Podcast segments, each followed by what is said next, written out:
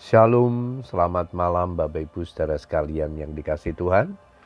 Kita bersyukur kepada Tuhan malam hari ini sebelum beristirahat. Kita diberikan kesempatan untuk berdoa dan bersyukur kepada Tuhan. Setelah sepanjang hari ini kita menikmati segala kebaikan Tuhan dalam hidup kita. Sebelum berdoa malam hari ini kembali kita akan merenungkan firman Tuhan yang diberikan tema Tiada kasih seperti kasih Tuhan. Ayat mas kita di dalam Yesaya 49 ayat 16 firman Tuhan berkata demikian. Lihat aku telah melukiskan engkau di telapak tanganku. Tembok-tembokmu tetap di ruang mataku. Kita sering mendengar dan melihat berita-berita yang sangat memprihatinkan Misalnya seorang ibu kandung yang melupakan dan membuang bayi yang baru dilahirkannya. Atau seorang ibu yang tega menganiaya anaknya sendiri. Dan bahkan lebih kecil lagi ada yang tega membunuh anaknya sendiri. Itulah dunia sampai kapan pun kita tak akan menemukan kasih sejati di dunia ini. Karena kasih manusia itu sangat terbatas dan sering kali disertai dengan tendensi lebih lebih di masa sekarang ini. Jelas terlihat bahwa kasih kebanyakan orang sudah menjadi dingin.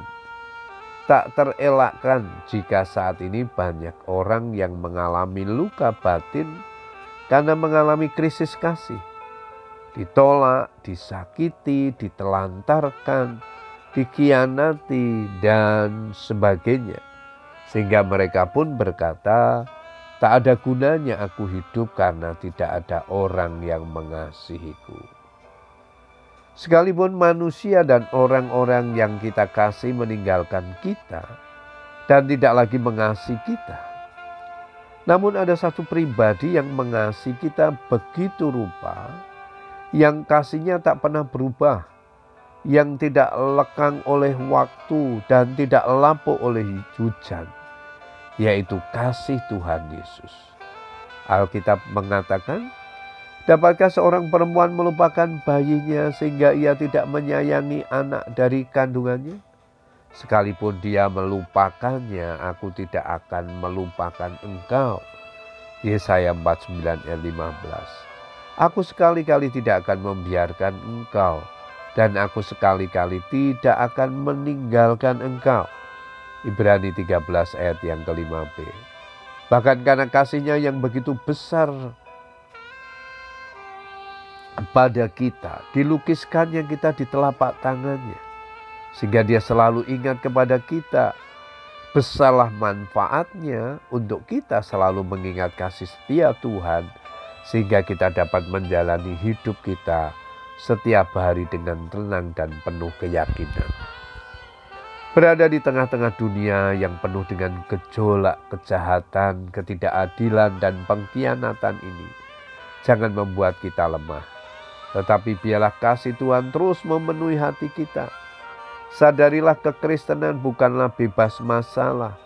Biarlah masalah ada, tetapi kita percaya Tuhan tidak akan membiarkan kita dan meninggalkan kita bergumul sendirian ia pasti menyediakan jalan keluar terbaik dan selalu tepat pada waktunya. Sebab kasihnya hebat atas kita dan kesetiaan Tuhan untuk selama-lamanya. Mazmur 117 ayat yang kedua. Ingatlah kasihnya, ingatlah kebaikannya, dan ingatlah anugerahnya yang menyelamatkan hidup kita. Puji Tuhan Bapak Ibu Saudara sekalian kita bersyukur malam hari ini melalui firman Tuhan kita diingatkan akan besarnya, lebarnya, tingginya kasih Tuhan dalam hidup kita. Mari kita bersyukur dan senantiasa hidup di dalam kasih setia Tuhan. Selamat berdoa dengan keluarga kita. Tuhan Yesus memberkati. Amin.